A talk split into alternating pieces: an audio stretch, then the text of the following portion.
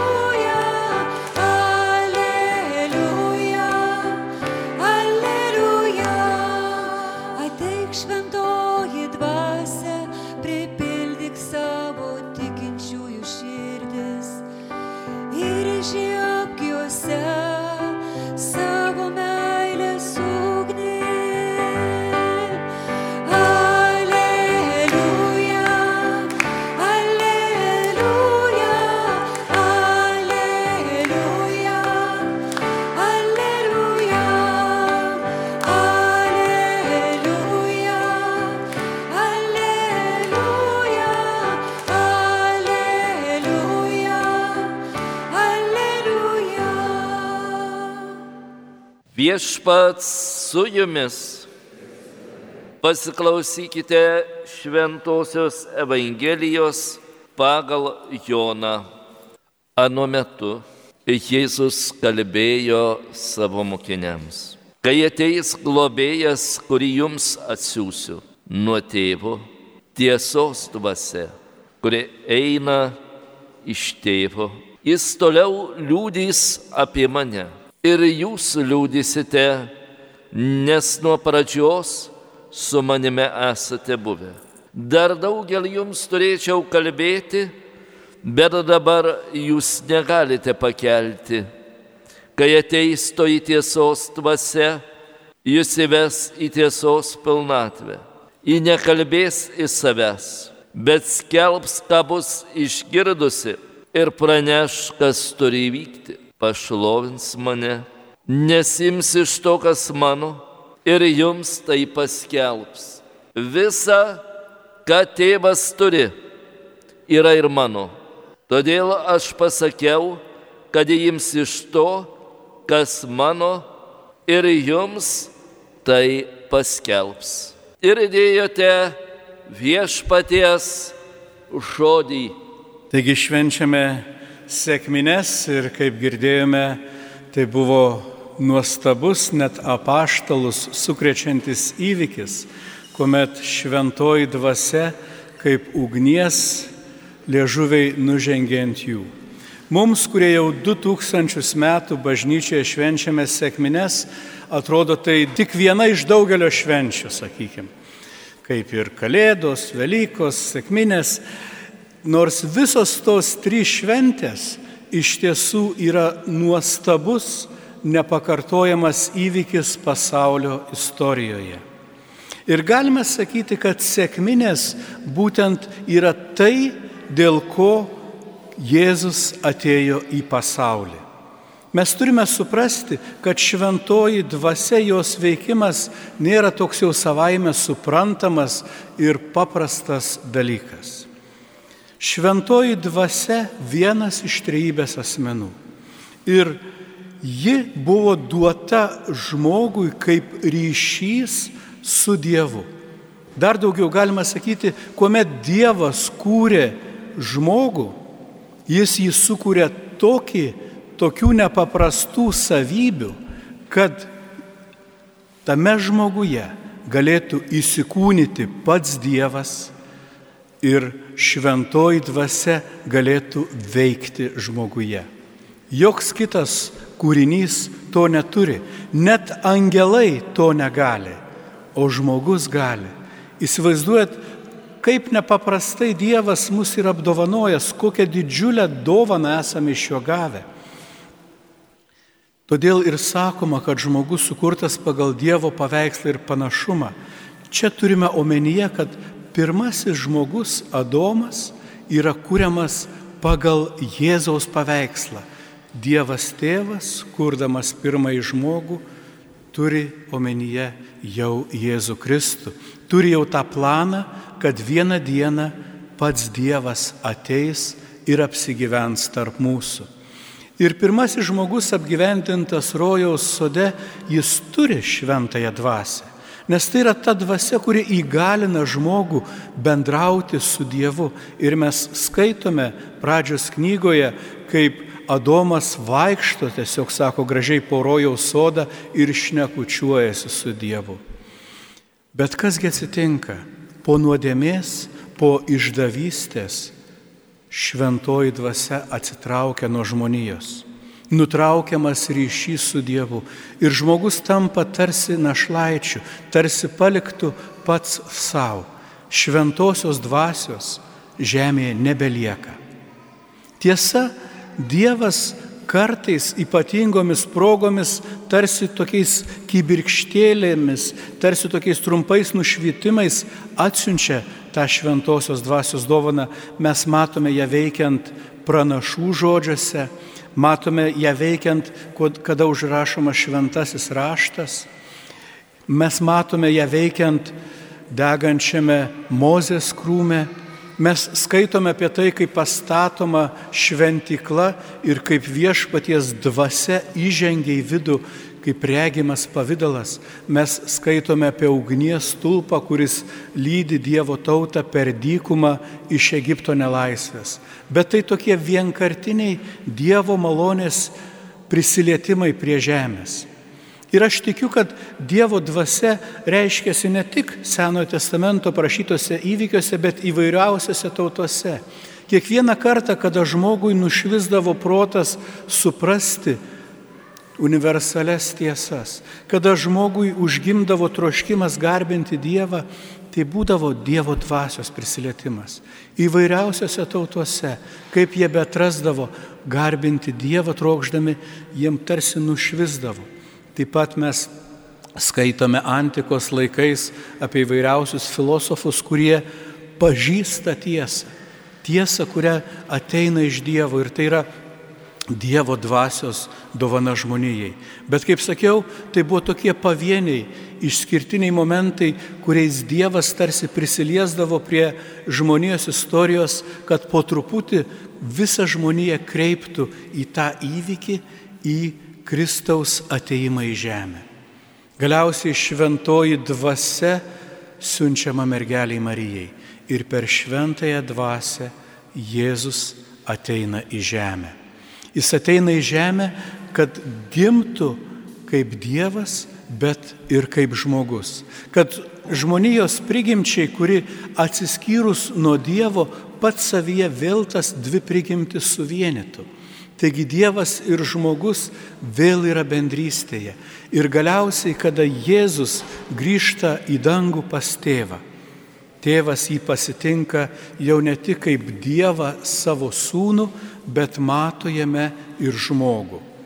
Ir kadangi tarp tėvo ir sunaus šventoji dvasia yra ta meilės ir bendrystės dvasia, jis dovanoja vėl žmonijai šventąją dvasę. Ir per Jėzaus nuopelną, per Jėzaus žmogystę ta šventoji dvasia išliejama kiekvienam iš mūsų. Ir kasgi atsitinka? Mes jau skaitome pirmosiose sėkminėse, kad kai šventoji dvasia nužengiant tą paštalų įvyksta nuostabus dalykas. Jie išsidrasinę išeina į miesto aikštę, kur susirinkę daugybę tautų kalbančių įvairiausiamis kalbomis ir ima skelbti Kristaus prisikelimą ir nuostabus dalykas. Kiekvienas, kuris klausosi, girdi tą pamokslą savo kalbą. Įsivaizduojat, toks iš karto sinchroninis vertimas. Bet ne tame yra stebuklas. Stebuklas tame, kad jie visi įtiki, atsiverčia ir pasikrikštyje. Ir tai yra širdies kalba, kuri perkeičia žmonių gyvenimą. Ir aš pagalvoju, šiandien mums reikia to paties stebuklo. Mums nebereikia, kad kažkas verstų įvairiausias kalbas, lietuvaičiai išmokę patys daugybę kalbų, bet mes visi kalbėdami tą pačią lietuvių kalbą nebesusišnekame. Mes viens kito nebesuprantame ir mums reikalinga vėl ta Dievo dvasia, kuri sujungtų mūsų širdis, išmokytų mus bendrauti, išmokytų mus vienas kitą suprasti. Nes šventoji dvasia, ką jinai daro? Jis stato tiltus. Visų pirma, atkuria tą prarastą ryšį su Dievu, taigi sujungia Dievą su žmogumi, žemę su dangumi.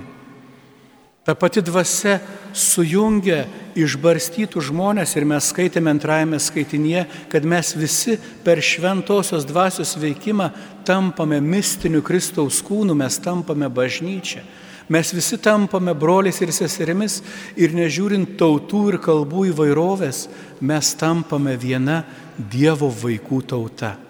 Ir galiausiai ta pati dvasia nužengusi į mūsų širdis naikina pyktį, naikina nuodėmę, naikina mūsų pačių subirėjimą ir mums vėl sugražina Dievo vaikų gyvenimo pilnatvę. Mes pagaliau pradedame patys save suprasti. Mes pradedame suprasti, ko mes iš šio gyvenimo norime ir kur link einame. Ir mums reikia tos dvasios ypatingai šiandien, kada mūsų širdis apninka liudesys, apninka abejonės, apninka nežinia dėl rydienos. Mums reikia tos Dievo dvasios, kuris sako, nebijok, aš su tavimi, aš tave atpirkau ir aš liksiu su tavimi ir aš tavęs nepleisiu. Ir kai ateina Dievo dvasia, mūsų gyvenimas įgauna pilnatvę, įgauna prasme. Ir tuomet nebe taip jau ir svarbu, ar mums geriau ar blogiau sekasi. Netaip ir svarbu, ar kartais mūsų užgriūna įvairūs išbandymai mes žinome, kad nesame vieni, žinome, kad Dievas yra su mumis. Ir Dievo dvasia atneša taiką, ramybę, supratimą. Taigi melskime, kad toji šventoji dvasia paliestų mus pačius, paliestų mūsų šeimas, paliestų Kretingos miestą, paliestų visą Lietuvą ir visą pasaulį, kad žmonės vėl išmoktų vienas kitą girdėti vienas kitą suprasti, kad mes išmoktume susišnekėti ir galiausiai suprastume, kad nežiūrint įvairovės visi esame broliai ir seserys. Taigi gražių jums sėkminių, gausių dvasios dovanų ir gyvenimo pilnatvės.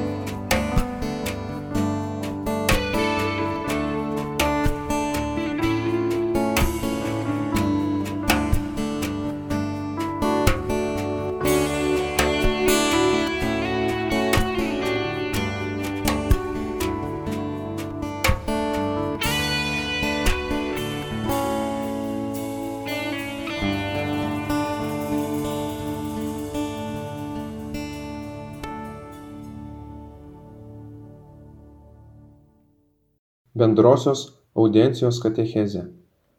Popiežius Pranciškus. Krikščioniškoji viltis - tėvo žadinama viltis. Jėzaus maldoje buvo kažkas patrauklaus.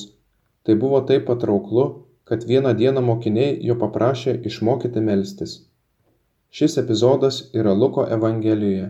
Iš evangelistų jis daugiausiai aprašo besimeldžiančiojo Kristaus slėpinį.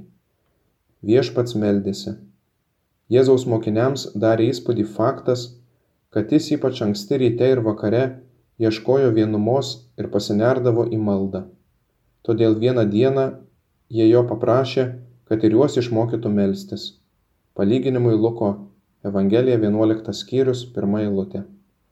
Tuomet Jėzus jiems patikėjo maldą kuri tapo ypatinga krikščionių savastimi – Tėve mūsų. Tiesą sakant, Lukas, palyginti su Mato versija, perteikia mums Jėzaus maldą kiek sutrumpinta forma.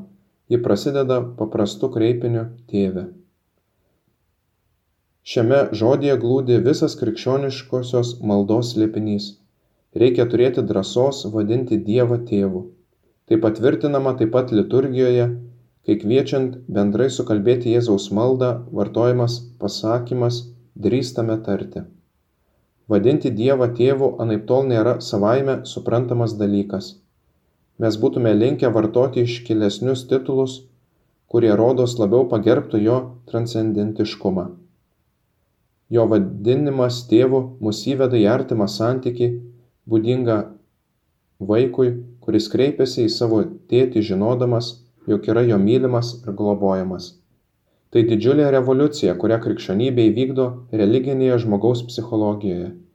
Dievo slėpinys, kuris mus nuolat žavi, dėl kurio jaučiamės maži, nebekelia baimės, neprislėgia mūsų, nesukelia nerimo. Tai revoliucija, kurią sunku priimti mūsų žmogišką širdimi. Netgi pasakojimuose apie prisikelimą sakoma, kad moterys pamačiusios tuščią kapą ir angelą nubėgo, nes jau buvo pagavęs drebulys ir siaubas. Morkaus Evangelija 16 skyrius 8 eilutė. Tačiau Jėzus mums apreiškia, kad tėvas yra geras ir sako, nebijokite. Apmastykime palyginimą apie gailestingai tėvą. Luko Evangelijos 15 skyrius 11.32 eilutės. Jėzus pasakoja apie tėvą, kuris savo sūnums moka būti pati meilė tai tėvas kuris nebaudžia sūnaus už jo aroganciją ar atiduoda jam paveldo dalį leidžia išeiti iš namų. Jėzus sako dievas yra tėvas tačiau nežmogišku būdu nes šiame pasaulyje nėra tokio tėvo kuris elgtųsi panašiai kaip pasakojimo veikėjas. Dievas yra tėvas savitu būdu. Jis yra gerasis ir beginklis prieš laisvo žmogaus valią galintis tik asmenuoti veiksmažodį mylėti. Kai sumaištavęs sūnus viską išvaistęs galiausiai grįžta į namus, tas tėvas netaiko žmogiškojo teisingumo kriterijų, bet pirmiausia jaučia poreikį atleisti.